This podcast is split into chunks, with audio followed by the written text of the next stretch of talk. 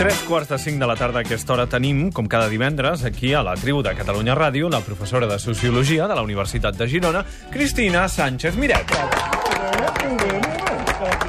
Cristina, com estàs? Bona tarda. Molt bé. Aquesta setmana hem conegut una sentència pionera d'un jutge de Barcelona que reconeix els drets laborals de les prostitutes i les equipara amb qualsevol treballador. L'escrit diu que és així quan la prostitució dues condicions. Primera, no és forçada, i segona, quan s'exerceix en un prostíbul. La sentència no és ferma, es pot recórrer al Tribunal Superior de Justícia de Catalunya, però si es mantingués en aquests mateixos termes, comportaria que els proxenetes haurien de fer contractes a les treballadores sexuals que cotitzarien a la Seguretat Social i que, per tant, fins i tot tindrien dret a l'atur. La Podrien ser autònomes, també. Mm, Sí, exacte. Aquí no sí, ho sí, si contemplen, volguessin, eh, eh, però- hi ha faltat en el que ha dit el jutge, però clar, si es pot treballar de manera assalariada Aquí, en també ho pots fer principi, autònomament. es refereix a noies que treballen en un Sí. prostíbul, per tant, Clar, treballarien i per en la aquesta- sentència es pot agafar així Igual, perquè pot treballar en prostíbul, contra... Sí, Ah, però, autònom i fas autònom, ah, factures. sí, també és veritat, tens raó, veus? ser. però una de les claus d'aquesta sentència és que es, es reconeix que aquestes dones mm, depenien de la feina que els hi encarregava una tercera persona i dels materials que els hi proporcionava una tercera Exacte, persona. La prostitució, Cristina, és un ofici, com qualsevol altre? De fet, és un ofici i, per tant, hauria de ser com qualsevol altre. Però resulta que és un ofici, si no, no entendríem que estés al PIB. Us en recordeu que últimament, a més a més, s'ha Sí, posat en comptes, en, el, en els comptes oficials de l'Estat, d'una manera, a més a més, que si voleu Sí, un altre sí. dia en parlem, perquè és que això ha sigut ben bé, no sé, un, un exercici d'enginyeria imaginativa comptable, Sí. eh, per dir-ho així.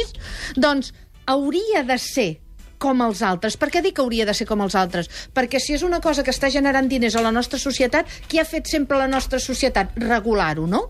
I a més regular-ho des d'un punt de vista econòmic, fiscal, eh, de drets laborals, de seguretat Mm. social, no sé quant, quants adjectius més hi puc posar aquí, o quants camps més hi puc relacionar, com els altres oficis. El que passa que, a, a, amb el tema de la prostitució, nosaltres vivim aquí amb una mena, no sé si dir enganyifa, però un, sigui segurament o definitivament una doble moral que fa que d'una banda sapiguem que existeix i de l'altra que fem veure constant, total i absolutament que no existeix, tret de quan interessa algú que té molt de poder, com en aquest cas a l'Estat, que ho ha posat en el PIB. Mm. Uh, la sentència ha revifat un debat etern que és si la Etern, prostitució s'ha de regular o si, com, diuen, mm, com diu molta gent, s'ha de prohibir directament. Sí. De fet, aquí aquestes són dues postures del tot enfrontades. Eh? Hi, ha, hi ha la lliga eh? pro-abolicionista i la lliga pro-legalista eh, a nivell mundial, eh? a nivell, no només a nivell europeu, amb, amb una gran força i, a més a més, amb, amb, diríem, pros i contres a favor de què suposa una cosa i l'altra. Eh, a mi em fa l'efecte que, mm, per començar, el que hem de separar, perquè és que si no se- se- s'embruteix, diríem, s'aigua barreja el debat, és de quan aquesta feina es fa lliurement, quan és una tria voluntària, a veure, segur que em direu, les tries voluntàries del tot no existeixen, perquè de fet jo treballo perquè he de pagar la hipoteca, i això la majoria, eh? Treballem, o potser no, hi ha algú que, que diu, jo he nascut per, per ben bé per treballar. Però, en general, ja m'enteneu, eh? A nivells normals, comparables amb la, amb la resta de la població, una tria voluntària o es tracta d'un esclavatge, que això és un altre tema. I és veritat que en la prostitució el que tenim, no m'atreviria a dir la xifra, però eh, segur que no m'equivoco de massa, eh, més del 90% que són persones obligades, bàsicament dones obligades per màfies, per, si no és una màfia gran, en el sentit que entenem, tota una xarxa eh, que es dedica a extorsionar i a, i a prostituir dones, doncs mira, l'espavilat de Tor, que, que, que en té tres o quatre, o que en té eh, una, una dona, o un home també pot ser, però bàsicament són dones, compte que també hi ha nens i nenes, eh, a, a les que, a la que obliga a que treballi per ell. El problema és que això tampoc ho podem quantificar. L'any passat eh, en- ens va visitar aquí, en aquest estudi, la Conxa Borrell, que és una prostituta, i ens deia que, segons unes dades de, la, de Nacions Unides de l'any 2010, només, i dir només és una paraula molt lletja en aquest cas, una de cada set prostitutes exerceix la prostitució de manera forçada. Uh, On dia no estic d'acord amb aquestes, aquestes són les dades que va Aquestes portar dades no estic ella, i després hi ha unes dades que diuen exactament el contrari, que van més en la línia del que deies tu ara, Cristina. Però és que realment, si això no està regulat, és molt difícil Eh, uh, saber qui exactament exerceix la prostitució i, per tant, preguntar-li exactament si l'exerceix de manera lliure o no. Però volia que escoltessis la Conxa Borrell perquè a ella li van preguntar mm, si li agradava, si li agradava la seva feina. A tu t'agrada la teva feina? A mi m'encanta la meva feina. Per què? Per què? Doncs perquè és un treball molt humà, perquè és un treball de tu a tu, perquè és un treball en el que et trobes amb, amb persones amb situacions realment complicades, tant a nivell personal com a nivell afectiu, com a nivell sexual. Ajudem a, a, tant a homes com a dones a alliberar-se de molts dels seus complexes, a poder tenir ereccions millors, a poder tenir relacions sexuals millors. Realment, eh, és una feina que t'aporta molt a nivell humà. Enganxa. Aquesta feina diuen que enganxa. Ja és veritat. Però no enganxa ni pels diners, ni enganxa perquè sigui addictiva al sexe. Enganxa perquè és addictiva a l'ésser humà. Què et sembla, Cristina? Mira, m'ha recordat jo, aquesta noia no l'havia sentit, em sembla un testimoni realment franc i que, a més a més, posa sobre la taula una cosa eh, principal, eh? que és eh, eh, la idea aquesta de tria i que t'agradi la teva feina. Malgrat que nosaltres considerem que en temes de sexe tenim masses tabús morals, eh? ètics o morals, dieu-li com vulgueu, això d'anar-ho fent en qualsevol i com sigui, eh, no tocaria o ha de ser una cosa forçada. Però però penseu com cada vegada amb això hi ha hagut una evolució important i cada vegada hi ha més nois i noies lliurement, sense eh, exercir la prostitució, és a dir, sense cobrar a canvi, que s'ho fan allò, em sembla que fins i tot ho diuen així, m'ho faig amb aquesta, m'ho faig amb l'altra, eh, l'he conegut o m'he creuat en el, en el, eh, l'autobús o en el carrer i he decidit de fer-ho, és a dir, que en aquest Que, però no sentit... ho fan a canvi de diners. Ja, aquí, per això volia que diguessis això, perquè el tema central és si a, això es pot cobrar o no es pot cobrar. I evidentment que es pot cobrar, igual que es cobra un massatge, igual que es cobra una mainadera. És a dir, nosaltres en aquí confonem, és com si l'amor no s'hagués de pagar. I aquí no estem parlant d'amor, estem parlant de sexe.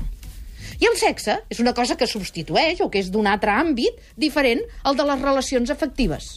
Eh? I no puc dir que, que et pugui agradar o no et pugui agradar el client o, o, o, o, o en aquest cas, la, la professional. Però, en tot cas, no estem parlant d'amor. I com que ho barregem sense voler en el nostre cervell és quan ens comença a trontollar tot.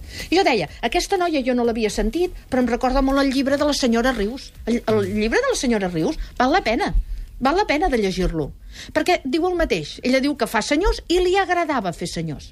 També és interessant veure com va arribar a fer senyors, que aquest és un altre tema. Perquè, clar, quan, quan ho fas per diners és perquè t'hi porten certes circumstàncies. En el cas de la senyora Rius ho explica, en el cas d'aquesta noia potser no, i senzillament és una manera tan digna com una altra si tu la dignifiques. I ningú te la fa eh, no poder dignificar per guanyar-te la vida. La Conxa ens deia que ella es podia permetre el luxe de que quan un client ella no hi volia estar, no hi estava, el rebutjava. Però segur que moltes altres prostitutes no es troben en, aquestes, No, en aquesta no. situació. Sobretot I han que- d'estar amb persones amb qui no volen Exacte, sobretot les que tenen un proxeneta, sobretot les que estan sotmeses a una xarxa, sobretot aquelles dones que han estat raptades o enganyades i les porten d'una banda a l'altra, no tenen papers ni tenen coneixements de ningú i no tenen més remei que plegar-se a, no ja, Clar, a, però segons la als Conxa clients. això no és prostitució.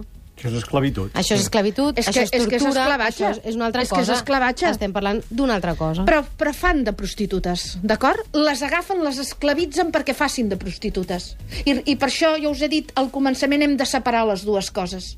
Perquè hi ha dues imatges diferents de la prostitució. Però la més habitual, la més, eh, diríem, la més extesa, és aquesta de l'esclavatge, la que té a darrere unes situacions en què les dones no trien. Tot el contrari, tot el contrari. Fan de prostitutes perquè donen molts diners. Però vull dir, si en lloc de la prostitució fos malabarismes, t'asseguro que farien malabarismes. Sí, o si... Vull dir que si... Evidentment que, que fan de prostitutes perquè, perquè Sí. estan obligades a fer-ho, però perquè donen molts diners. Sí, però fixa't una cosa, tal com ho explica aquest testimoni que hem sentit, ella potser, donant molts diners una altra cosa, triaria, triaria fer aquesta feina. Ah, sí, sí, això perquè sí. li agrada. Això sí. Això, això és una cosa que nosaltres No, hem, de- de- hem, hem d'aprendre a acceptar. obligades. Exacte. I de les que ho fan per raons econòmiques. Mm. Hi ha moltes dones ara amb la crisi que estan arribant a fi de mes, dones diríem que en principi no entren dins de l'etiqueta de l'ofici, que són dones normals i corrents, però que per portar les seves famílies a fi de mes, doncs fan algun tipus de servei d'aquests.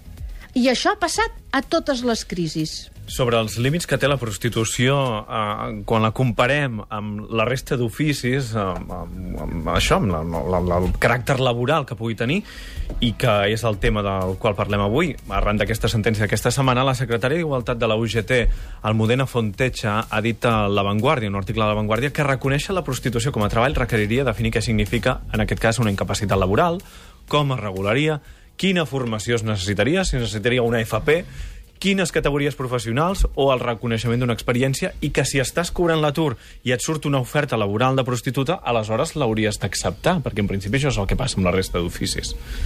Clar, a veure, eh, necessitem llimar molts aspectes, sí. moltíssims. A més, és que Aquest hi ha molts oficis on només necessites l'EGB, eh? I no et demanen res més. Que tampoc ens posem ara amb unes exigències quan hi ha tants d'altres que encara ni s'ha plantejat què es necessita per exercir-los. Exacte. És a dir, um, uh, um, el que hi ha darrere d'aquest tipus sempre de, de, de presumpcions és, és tot un seguit de prejudicis. I és a dir, eh, torno al mateix que he començat dient, ens costa tant d'acceptar que algú lliurement vulgui fer això i pugui fer això, que hi busquem tots els peus possibles al gat. I seria molt més honest parlar-ne obertament.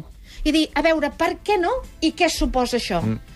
Perquè, a més a més, és que està funcionant de manera paral·lela al nostre món, al món oficial, no? I, a més, mou una barbaritat de diners. No és això. I necessita regulació. 3,7 milions d'euros l'any passat a Espanya. Ah, clar, i no només... Eh, coneguts calcula, sí. pressuposats, Sí, sí. d'acord? Però és que no només ho dic perquè el fisc aniria millor, ho dic per la protecció de les persones, també. Perquè, a veure, han de poder anar al metge, han, han de poder tenir, eh, com tu deies, la baixa, o han de poder tenir un seguit de situacions. És a dir, hi ha un gran problema amb tot el tema de la prostitució, que és quan es fan velles aquí hi ha un gran problema.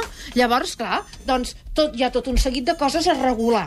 I no només és portar-ho a aquest extrem, que queda molt bé en el diari o allà on sigui, de dir, clar, llavors què passa, que totes haurem de ser prostitutes si algú ens ho, dema ens ho demana? No, parlem-ne seriosament. Parlem-ne per què ho tenim al marge. I parlem-ne, a més a més, del que està suposant que ho mantinguem al marge. Perquè mantenir-ho al marge ajuda que les màfies en facin el negoci de l'any. Doncs això és el que hem fet aquesta tarda, parlar-ne obertament aquí a la tribu de Catalunya Ràdio amb la professora de Sociologia de la Universitat de Girona, Cristina Sánchez Miret. Cristina, moltíssimes gràcies i fins la setmana que ve. Adéu-siau. Gràcies.